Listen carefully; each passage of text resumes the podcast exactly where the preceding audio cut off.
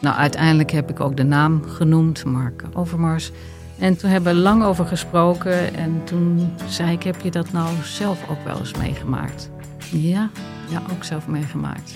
Heb jij ook wel eens van die dickpics ontvangen? Ook. Ja, dat vond ik toch wel heel heftig. Ben je benieuwd naar deze verhalen en wil je niets missen? Via podimo.nl slash gonzo luister je 30 dagen gratis naar Gonzo op Podimo. podimo.nl slash gonzo. Je hoort mensen wel eens zeggen dat het boek beter was dan de film, maar wij van Boeken FM streven naar om de podcast beter te laten zijn dan het boek. Wij lezen de klassiekers die je nog niet gelezen hebt. We lezen de boeken die je heel graag wil lezen, maar waar je eigenlijk voor schaamt om in het publiek mee gezien te worden. We lezen de Libris-winnaars. eh, we praten over de Nobelprijslariaten. Allemaal zoals je een etentje hebt, dat je moeiteloos mee kan praten en dat het lijkt alsof je helemaal belezen bent. Wij zijn Ellen, Joost en Charlotte van Boeken FM en je kunt ons luisteren in je favoriete podcast-app. Hallo, vanaf de redactie van de Groene Amsterdammer is dit uw wekelijkse podcast. Ik ben Kees van der Bos.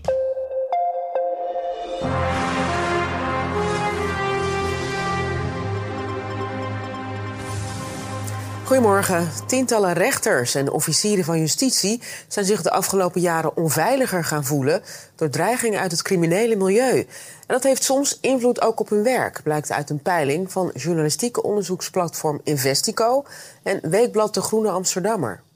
Het NOS Journaal van maandagochtend. De rechtsstaat staat onder druk. En die dag stond dat nieuws ook in alle kranten en op alle nieuwssites. En achter dat bericht zit maandenlang journalistiek onderzoek van Romy van der Burg, Marieke Rotman van platform Investico allebei en Rachid Elibol, redacteur van De Groene. Welkom Marieke, Romy en Rachid. Dankjewel, Kees. Nou, allereerst maar proficiat, want dat is wel wat je wil natuurlijk als je iets uitzoekt. Dat het op alles, eh, alle kranten en, alle, eh, en op het NOS-journaal rondgebazuind wordt, toch? Zeker. Het is fijn uh, als je uh, zo lang aan een onderzoek werkt dat het uh, wordt opgepikt. Absoluut. Ja. Had je het verwacht eigenlijk? Met die enquête zeker. Ja, bedoel, dat, daarvan wisten we wel van oké, okay, dit is nieuws, dit gaat opgepikt worden. Ja. dit had nog nooit iemand in kaart gebracht. Wat zeg je? Dit had de afgelopen tien jaar nog nooit iemand gemeten. Dus nee. we wisten wel dat dat nieuwe informatie ja. was. Ja. Ik denk dat toen de mail binnenkwam met dat er 370 reacties waren, dat we toen wel dachten, oh ja, dan kunnen we er ook echt iets, iets over zeggen. Ja, ja. Die laatste stem was Romy en daarvoor was Marieke. Ik probeer de luisteraar een beetje te helpen. Rashid is makkelijk, want dat is uh, de, de, enige mannenstem. Ja. Um, nou, laten we bij het begin beginnen. Um, waar komt dit idee vandaan? Wie, wie van jullie drie uh, gaat dat vertellen? Ja, hele lange aanloop. Ja. Ja? Ja, we, vorig jaar hebben we onderzoek gedaan naar het, uh, het MIT, het Multidisciplinair Interventieteam. Dat zat ook in de podcast, dus dat kan ik me nog herinneren. Ja, ja. en zijn eigenlijk een beetje met elkaar in gesprek gebleven over hoe we nou een keer konden kijken naar wat de impact is van de georganiseerde misdaad zoals die nu is. Dus, ja, toen misschien moeten we uh, even zeggen dat MIT, dat was een team opgericht om de georganiseerde ja. misdaad te bestrijden. Ja. En dat was kort samengevat een geweldige mislukking. Ja, ja. we hebben eigenlijk gekeken naar uh, hoe die 160 miljoen die daarvoor uitgetrokken was, hoe dat eigenlijk een beetje verspild geld was. Ja. Um, maar we zijn toen inderdaad gaan nadenken over, maar wat is nou eigenlijk die impact van de georganiseerde misdaad op de bovenwereld? Um, en dat hebben we met verschillende gesprekken gehad met z'n drieën van hoe, hoe gaan we dat in kaart brengen. Uh, en een van de dingen die we toen gedaan hebben is kijken naar uh, het stelsel bewaken en beveiligen. Dat er steeds meer mensen in de beveiliging terechtkomen, uh, of we daarnaar konden kijken. Um, en in die periode zijn we ook gaan, een aantal off-record gesprekken gaan voeren binnen um, het Openbaar Ministerie, met de advocatuur. En toen kwamen we eigenlijk steeds meer achter dat mensen een soort hints dro dropten bij ons, om het zo maar te zeggen, van dat zij hun werk eigenlijk anders zijn gaan uitvoeren uh, sinds uh, het Marengo-proces. Dat, dat, was, dus dat werd een beetje ons eikpunt in kijken naar uh, hoe zit het met die verharding van de georganiseerde misdaad. Ja. Ja, dus je hebt, maar je had al het vermoeden, ja, dat heeft denk ik iedereen wel op zich, het vermoeden dat het een toegenomen invloed heeft. Dat is te zien, overduidelijk aanwezig in de samenleving. Met de, met de moorden Dirk van Wiersum, Peter R. de Vries, die er allemaal mee samenhangen.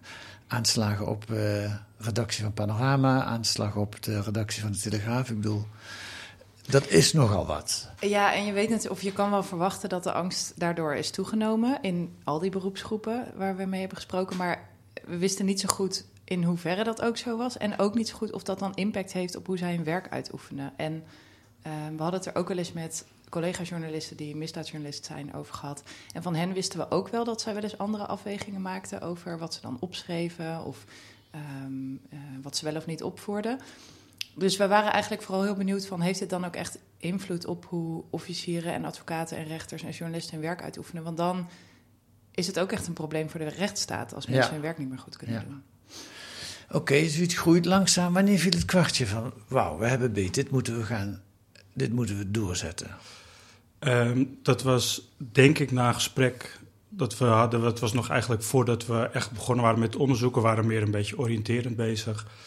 Toen spraken we iemand binnen het OM die vertelde, nou, eigenlijk wat Rome en Marieke net zeiden, dat ze daar ook wel eens andere afwegingen maakten eh, vanwege die dreiging. Ja, En toen dachten we, oké, als het bij de journalisten gebeurt, bij Ja. eh, eh, advocaten en bij het OM, ja, dan is dat eh, echt iets om verder op door te gaan. ja.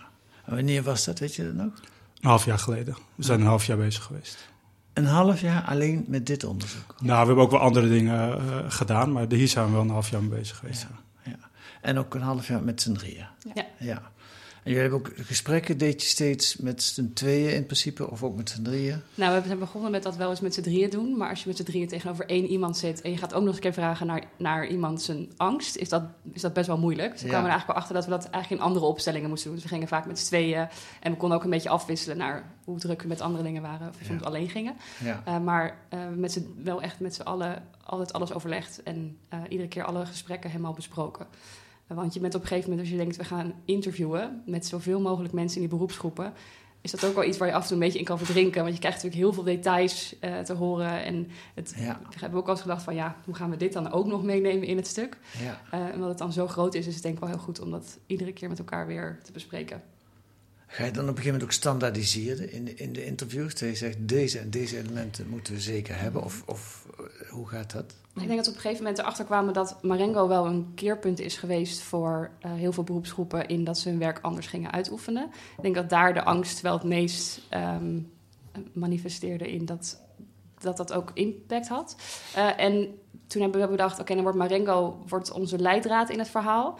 Uh, en daarin hadden we een aantal um, cruciale momenten gevonden in de eerste paar interviews, waarin iedereen iedere keer zei, oh ja, dit is het punt waarop Um, waarop er bijvoorbeeld verharding plaatsvond. Of dit is een, ze gingen al die cruciale punten op een gegeven moment wel meenemen in alle interviews. Om dan te kijken hoe was dat geef, ene... Geef eens een voorbeeld. Wat bedoel je met een cruciaal punt?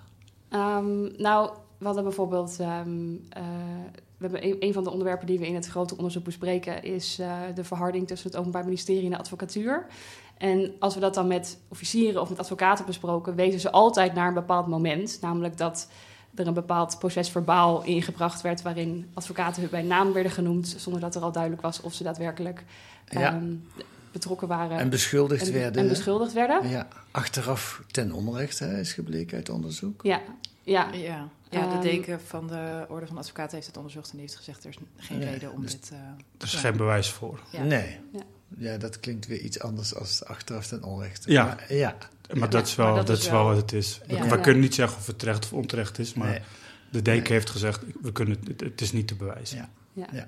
Maar dat waren dus allemaal dat soort punten. Ja. Waarop wij dachten, oh ja, dit, dit zijn soort pijnpunten in dat proces geweest. En dan bespraken we dat inderdaad met de advocaten en met officieren. En dan kreeg je zo'n compleet mogelijk verhaal van al die incidenten. Om zo een soort opstelsom te maken van...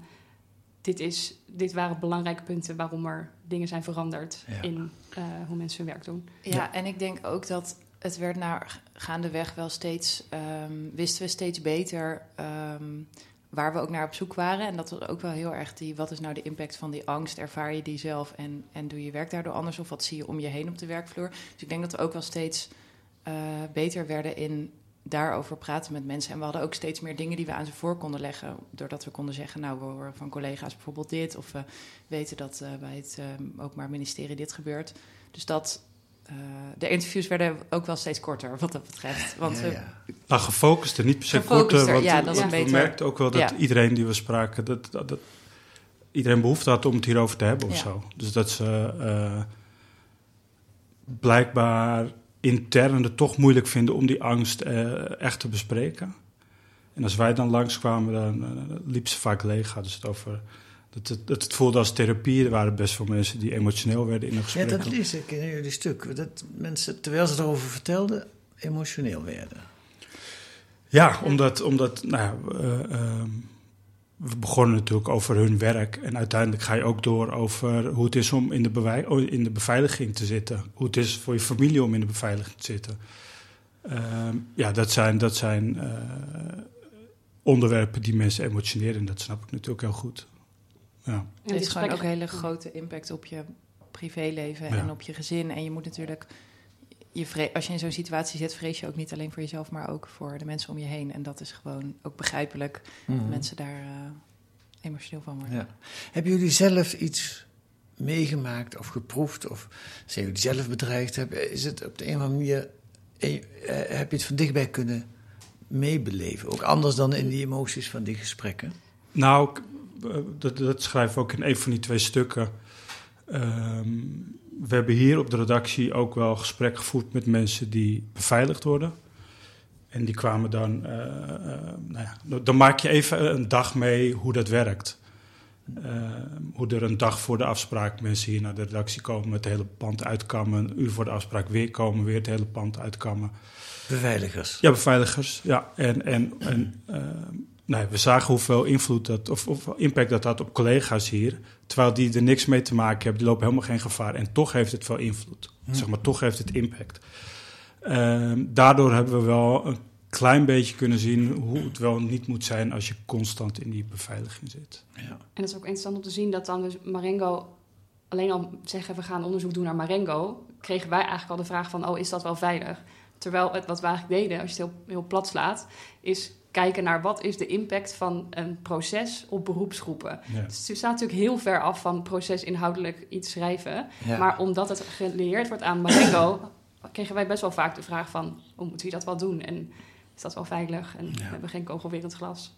Dus dat is toch wel een ding. Misschien moeten we eerst even uitleggen wat Marengo is. Dat is een uh, proces tegen 17 verdachten, wat al een aantal jaren loopt. Die worden verdacht van een aantal moorden, zes moorden en vier pogingen tot moord.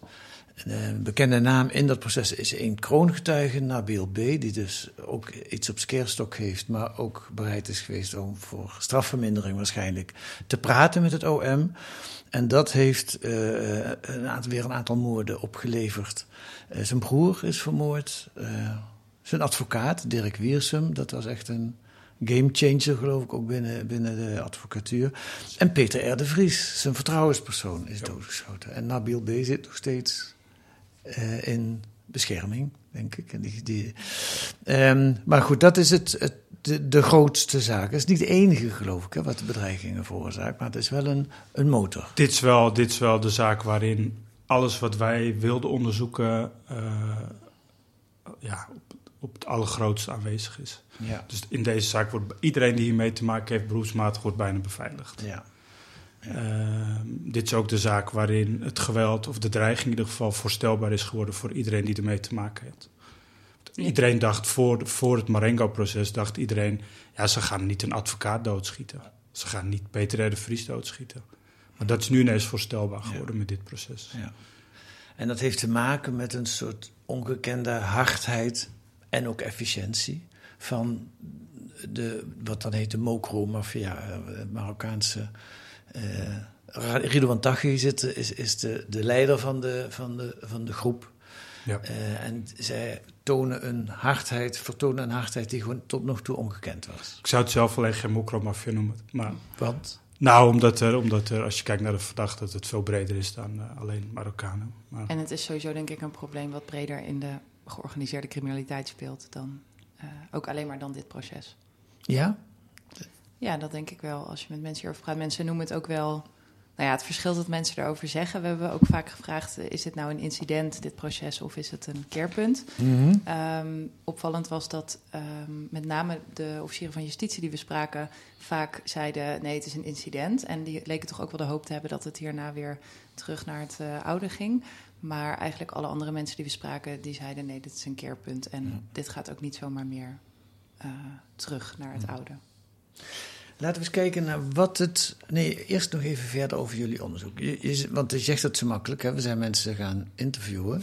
maar, eh, je, je, je, neemt contact op, je belt, je maakt een afspraak. Hoe ging dat eigenlijk? Wilde, wilde, wie wilde wel, wie wilde niet praten? Nou, over het algemeen wilden mensen heel erg graag praten. Dat was onze eerste indruk dat we dachten, oh, dit gaat best wel makkelijk. Ja. Vooral advocaten, die uh, hadden we best wel makkelijk de eerste paar afspraken al mee staan.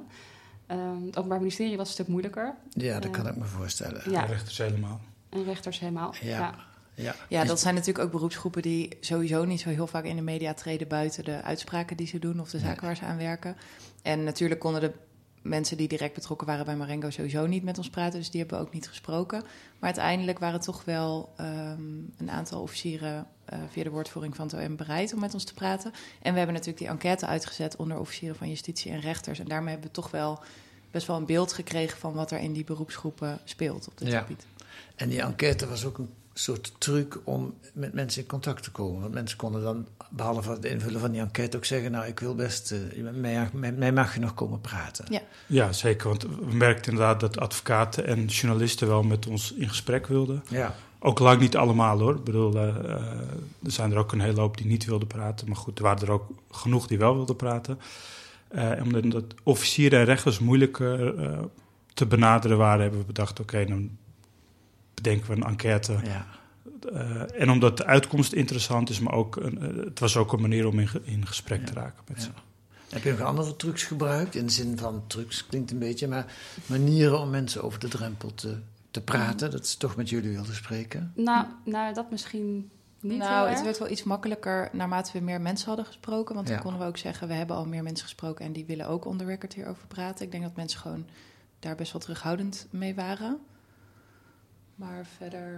Nou, ik denk dat we op een gegeven moment wel um, een beetje. Ik moest nadenken over ons allereerste gesprek met Racit. Dat, dat bent een advocaat. Want je gaat natuurlijk mensen vragen naar... Um, ben, je, ben je bang ja. in je werk? En de meeste mensen die willen dat helemaal niet toegeven. Die zeggen nee, ik ben nooit bang. En uh, nee, ik doe mijn werk niet anders. Dus ik weet dat wij dan dat eerste interview elkaar aankeken van... ja, hoe gaan we dat nou uit mensen krijgen? Dat is best wel, is best wel moeilijk. Mm -hmm. uh, dus we gingen ook veel meer nadenken over misschien wat meer interviewtechnieken. Zeg maar dat je, wat, inderdaad, want het is aan de ene kant super persoonlijke verhalen. En ik snap ook heel goed dat je eerste reactie is... nee, ik ben niet bang, ik doe mijn werk niet anders. Want dat is, dat is wat je wil uitdragen met je, met je beroep. Ja. Um, dus we moesten veel subtieler vragen naar voorbeelden. En zo kwamen we eigenlijk in de eerste paar interviews er langzaam achter dat als mensen zeggen ik ben niet bang, dat ze dan daarna kunnen zeggen maar. En dan krijg je vaak voorbeelden van dat ze inderdaad zeggen van ik ben niet bang, maar mijn collega Ja. die is heel bang.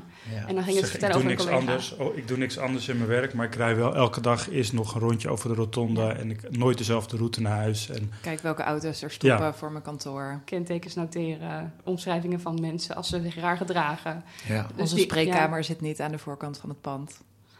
Was heel subtiel, kwam er dan zo steeds een klein beetje naar voren van...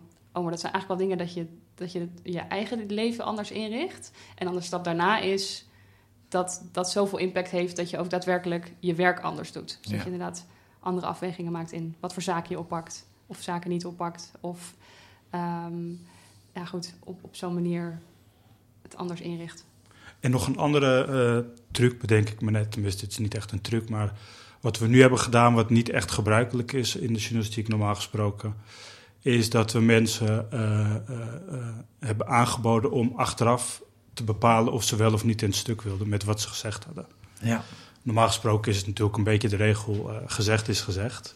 Eh, die regel hebben we dit keer niet gehanteerd. Ja. En we hebben ook gezegd, als je wil mag het ook anoniem. Je mag ook alles terugtrekken als je dat wil. Ja. Eh, Zelfs anonieme citaten mochten teruggetrokken ja, worden. precies. Ook omdat het voor ons even goed nuttig was. Want we wilden natuurlijk gewoon ook een beeld krijgen hoe het, hoe het in al die beroepsgroepen leefde. Ja. Eh, en het was ook een manier om mensen aan het praten te krijgen. Ja. Ja. En wat ook nogal goed is, misschien om hierover te zeggen, is dat dit ook een moment was dat we al merkten wat die angst deed. Want er zijn ook in alle beroepsgroepen en ook in andere beroepsgroepen die we nog hebben gevraagd, mensen geweest die zeiden: Ik wil dit niet uit veiligheidsoverwegingen. Ja. Dus dat was ook al een eerste signaal. Laten we eens kijken naar ehm, per beroepsgroep eh, wat voor gevolgen het heeft. Eh, heeft. Voor zover jullie hebben kunnen waarnemen. Want die praktische dingen, dat je een andere route naar je werk neemt, dat zijn natuurlijk ook geen prettige gevolgen, maar dat, daar kun je nog van zeggen. Ja, inhoudelijk maakt dat niet veel uit over hoe je je verdediging voert of hoe een officier van justitie werkt. Maar zijn nou, dat weet ik, sorry, dat weet ik eigenlijk niet. Nee? Nee, want als jij uh, uh, zo bang bent dat je, uh, dat je wat overkomt, ook al is het alleen maar op, zeg maar, dat je om je heen kijkt en zit de angst er wel in. Ja, ja, ja. Nee, maar ik bedoelde mee te zeggen, ik snap wat je bedoelt, maar ik bedoelde mee te zeggen, daar ben ik eigenlijk naar op zoek. Ja. Wat heeft het voor concrete, concrete gevolgen? Voor, laten we beginnen bij de journalisten, de misdaadjournalisten. We hebben een aantal gesproken. Er zijn er een aantal die nog steeds al jarenlang, ook John van Heuvel andere, die gewoon dag en nacht beveiligd wordt. Hè. Dat is een, ja, dat is echt vreselijk. Ja, het is echt heel ingrijpend. Maar betekent dat ook dat hij of zijn collega's anders schrijven? Ja, misschien, misschien is één quote van iemand die we gesproken hebben veelzeggend. Uh, een goede en bekende misdaadjournalist die zei... Uh, er zijn echt tien verhalen rond Marengo die ik niet gebracht heb omdat het anders mensen in gevaar zou brengen. Omdat er anders mensen in de beveiliging moeten. Ehm, omdat ik zelf anders in de beveiliging moet en dat is het me niet waard. Hmm. Dus, en ik denk dat het voor iedereen bijna geldt in de beroepsgroep dat ze verhalen niet hebben gebracht of bepaalde details van een verhaal niet hebben gebracht omdat het gevaarzettend kon zijn. Of mee gewacht hebben of hebben afgesproken om met meerdere media tegelijk te publiceren. Zodat niet maar één naam en één verantwoordelijke is voor, um, voor het verhaal wat ze brengen. Dus je ziet wel echt een aantal momenten, ook rondom Marengo, waarin dan uh, bijvoorbeeld de neef van Ridwan Taghi, die was ook zijn advocaat, werd gearresteerd. Dat was dan een verhaal wat journalisten eigenlijk al heel lang wisten dat het er lag, maar hebben ze dan mee gewacht om te publiceren, ook omdat ze dat het Openbaar Ministerie dat had gevraagd.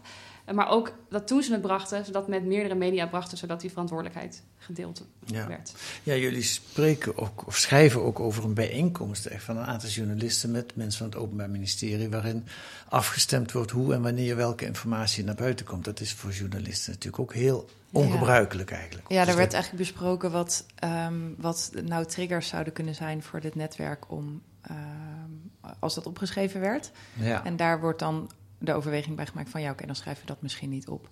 En dat gaat ook vaak om kleine details of om dingen die nu nog niet zo relevant zijn. Maar het is natuurlijk best wel ingrijpend als je om die reden dingen niet meer op kan schrijven. En eigenlijk alle misdaadjournalisten die we hebben gesproken, die zeiden wel op de een of andere manier deden ze iets anders. Of ze deden dit, of ze hadden bepaalde verhalen niet gebracht, of ze waren wat meer af gaan werken van, de, zeg maar, wat minder dicht bij het vuur gaan werken. Um, ja. Ja. Minder contacten onderhouden in de onderwereld. Dus dat je meer het, minder de, echt de straat op gaat om met, met criminelen te praten. Ik denk dat dat nog steeds wel gebeurt hoor. Alleen dat het wel meer een afweging wordt gemaakt. Um, en ja. dat als het wordt gebracht, dat vaak gebeurt door mensen die al in de beveiliging uh, zitten. Ja, ja. Dus dat, dat, dat kan toch niet meer erger. Ja. ja. Goed, dat is de journalisten. Dan de advocaten. Wat, wat, wat heeft het voor impact op, uh, hebben jullie gezien, op advocaten? Ja, voor de advocaten is het natuurlijk een beetje een ander verhaal, omdat zij um, staan uh, criminelen bij in principe. Uh, dus zij hebben een heel ander contact met hen. Um, dus daar kwam vaak wat minder naar voren over hun veiligheid. Uh, ook al zeiden zij ook wel van, nou ja, het is soms wel spannender geworden of er wel, wordt wel meer druk in die zin op me gelegd. Uh, maar wat bij de advocaat eigenlijk vooral heel erg naar voren kwam, is dat die relatie tussen het OM en de advocatuur in het Marengo-proces gewoon best wel verzuurd is. Um, en daardoor wordt het ook moeilijker om uh, een zaak goed te doen. Dus ze zeiden zowel van het wordt vaker persoonlijk gemaakt, als ja, normaal gesproken dan overleggen we nog even of staan we toch even na te praten bij het koffiezetapparaat. En nu is dat gewoon niet meer zo. Het staat gewoon zo erg onder druk mm -hmm. dat die werkrelatie eigenlijk ook helemaal. En waarom? Ja, en, sorry, ja, en er wordt ja. een, wat ook nog uh, het geval is bij advocaten, is dat je nu, er zijn van die PGP-telefoons, het waren van die telefoons waarvan criminelen dachten dat ze onbespied met elkaar konden communiceren en dat ze nooit gekraakt konden worden. Dat is wel gebeurd. En in die berichten kon het OM ineens zien dat advocaten werden ingezet door bijvoorbeeld de groep van Tachi om informatie te krijgen of om informatie te verspreiden. Um, en en nou ja, uh, ze blijken daar ook niet allemaal tegen bestand, tegen de druk van die organisaties. Dat is ook iets wat in het Marengo-proces uh, zichtbaar is geworden. Of het nou de neef is zeg maar, van, van Taghi, die advocaat is en die veroordeeld is als lid van zijn criminele organisatie. Ja. Uh, zijn andere advocaat, Ines Wesky, daar loopt nu een zaak tegen. Die wordt ook verdacht van uh, lidmaatschap van een criminele organisatie. Ja, zelfs Ines Wesky. Ja, ja, precies. Dat, Ja. uh, Dus, dus advocaten lieten eigenlijk een beetje zien dat er van twee kanten...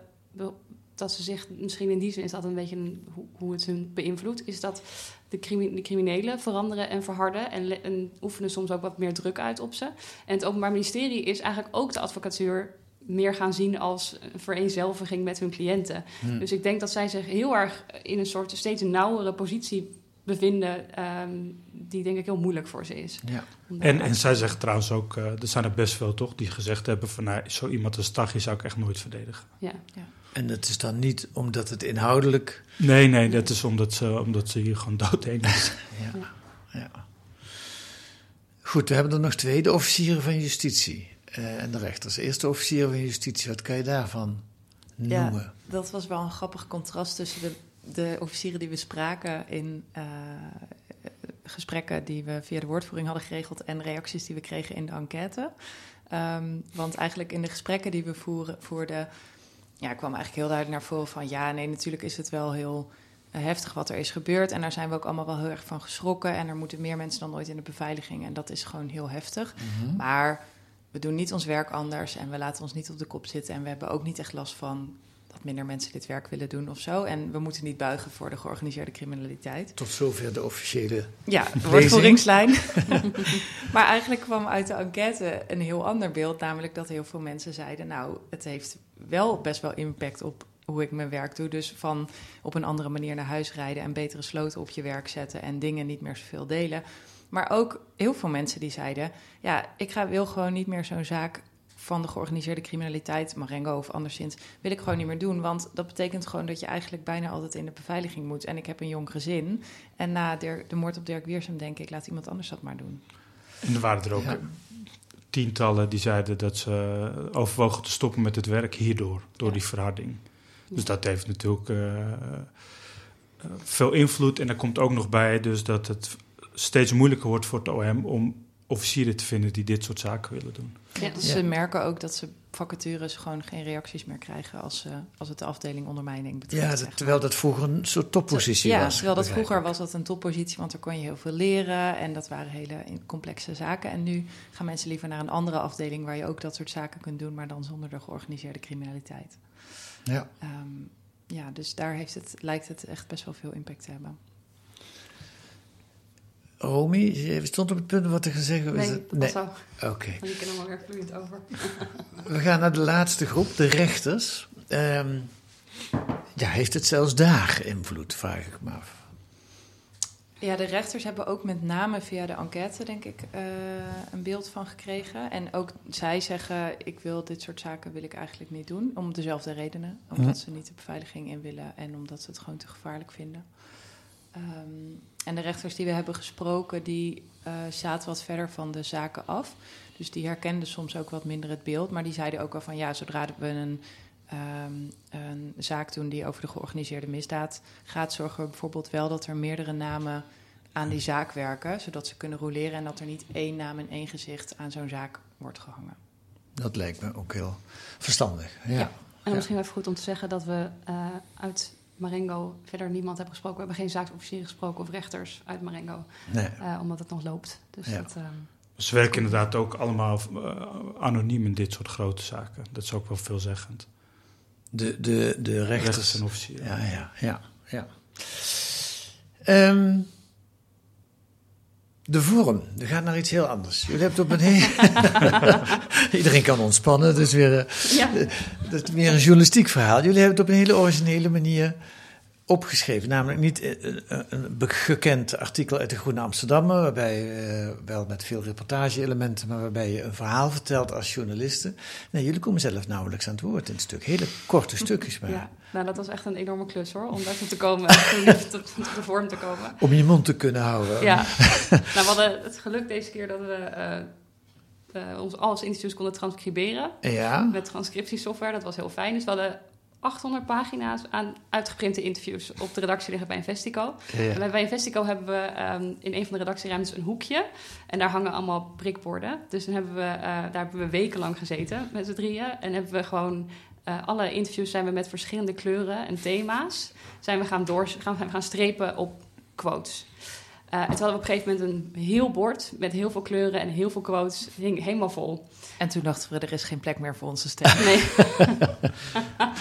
Ehm, en toen hebben we met z'n allen, volgens mij ook met onze hoofdredacteur van Investico erbij, een gesprek gehad over ja, hoe gaan we dit verhaal nou brengen. Want we hebben zoveel mensen gesproken. Ja. En we willen, we willen eigenlijk dat dat tot zijn recht komt ehm.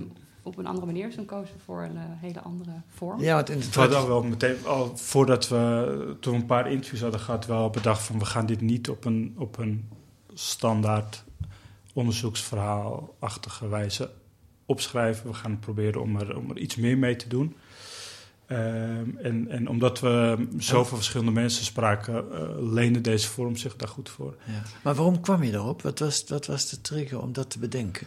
Nou, volgens mij... eh, Nou, kijk, dit, volgens mij, omdat er zoveel mensen hebben gesproken. En toen kwam Thomas, want we hebben hier ook echt over gebrainstormd. We hebben een paar vergaderingen ingepland om over die vorm na te denken. Ja. Eh, en Thomas kwam toen met een boekje waarin zo'n oral history, want zo hebben we het gepro- geprobeerd op te schrijven, waarin Ja. dat ook gebeurde. Ja. Dat- ja, want misschien moeten we dat even beschrijven. Wat je leest als lezer Ja. van de Groene is eigenlijk elke het gordijn gaat open, er stapt iemand op het podium en die vertelt iets. En dan gaat hij naar achter en dan komt er iemand anders. En hele kleine stukjes zitten daarin van de journalisten die dit verhaal, van jullie dus. Ja, we openen vaak nu met een hoofdstuk en dan zijn wij heel even aan het woord en dan beschrijven we een incident of we beschrijven een, eh, of een setting of een, dan zijn we gewoon even aan het woord. Ja. En dan daaronder gaan eigenlijk al die, al die partijen die we spraken, gaan bijna met elkaar in gesprek over hoe zij dat hebben ervaren en ehm, delen dan om de beurt hun ervaringen, waardoor het lijkt hopelijk alsof, het, alsof ze een soort gesprek met elkaar voeren. Ja. Het is gewoon uit quotes opgebouwd, het Ja. stuk. Ja, ja. Alleen maar in quotes. Ja, nou, nou, de, de- het voordeel is dat het heel makkelijk, heel spannend leesbaar is. Ik vroeg me af, heeft het ook nadelen? Heb je gemerkt dat je ook... Wat is het nadeel van deze vorm? Ja, precies wat je net zei, dat, dat, dat je nergens in het stuk... We zijn natuurlijk bij de Groene gewend om af en toe eh, een eigen analyse eh, los te laten op een onderwerp. Lekker te duiden. Ja, precies, om het eh, lekker te duiden. Ja. Eh, daar was nu geen ruimte voor in dit stuk. Ja, Eh, en daarom hebben we ervoor gekozen om nog een ander stuk erbij te maken. en dat staat deze week ook in de... Ja, dat is zeg maar het, waar we ook de enquête in... eh, Ja, ja. waar wat meer plek is om ook Ja. het stuk naar onszelf toe te trekken. Ja. En die duiding, dat is ook wat we net besproken hebben. Ja, precies. De, de vorm van de invloed op de Ja, verschillende zeker. beroepsgroepen. Ja.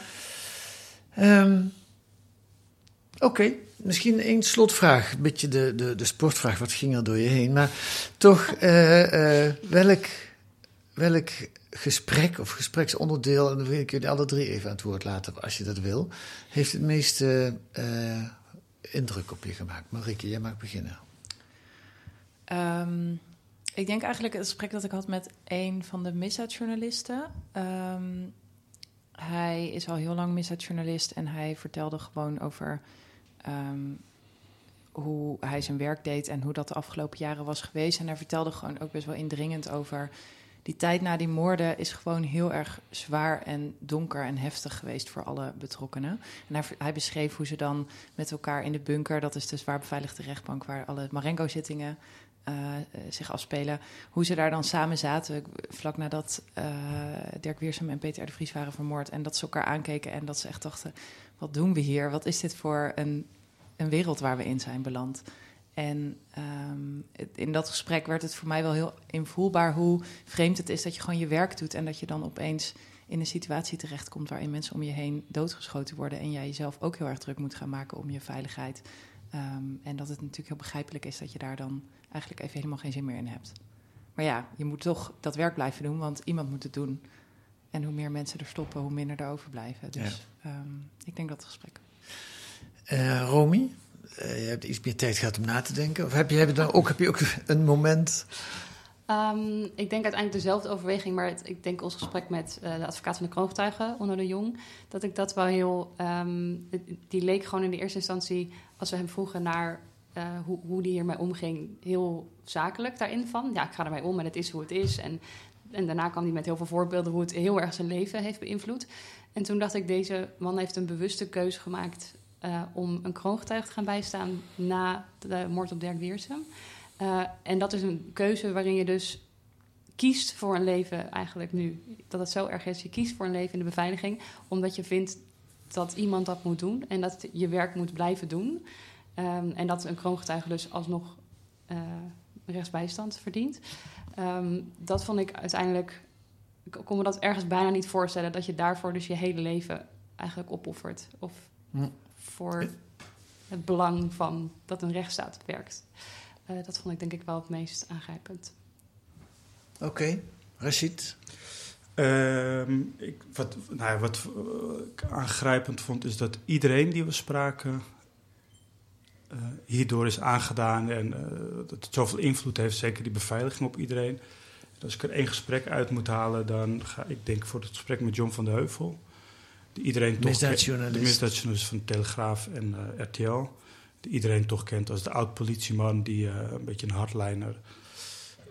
en als zo iemand dan in het gesprek dat wij met hem hadden ineens geroerd en emotioneel is door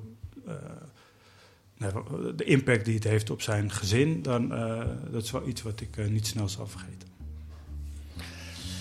Goed, Rachid Elibel hoorde u laatste Romy van den Burg en Marieke Rotman. Dank jullie wel voor dit artikel en voor dit gesprek.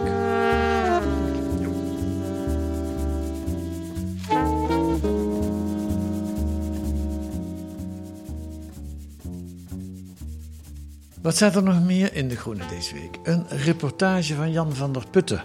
In 1978 hield hij het eerste tv-interview met de dwaze moeders, die tijdens het WK voetbal op het Plaza de Mayo opheldering vroegen over hun verdwenen kinderen. En dit vraaggesprek behoort tot het nationale erfgoed in Argentinië, ontdekte Van der Putten toen hij 45 jaar na dato, dus onlangs, het land bezocht en sprak met democratische leiders en mensenrechtenactivisten.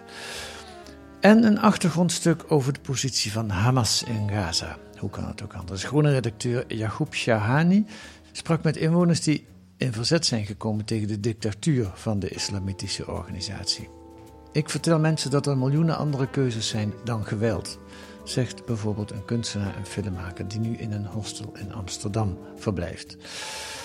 Dat kun je lezen met een abonnement of een proefabonnement. Ga naar groene.nl. 10 weken de groene voor 15 euro. Uh, je kunt reageren via de mail op wat je hoort in deze podcast. Adres is dan podcast.groene.nl. Volgende week zijn we er weer met analyses en achtergronden bij het nieuws in deze podcast van de Groene Amsterdammer. Deze week gemaakt door Claire Venema en Kees van der Bos. De muziek is het tune voor en van Paul van Kemenade. Tot volgende week.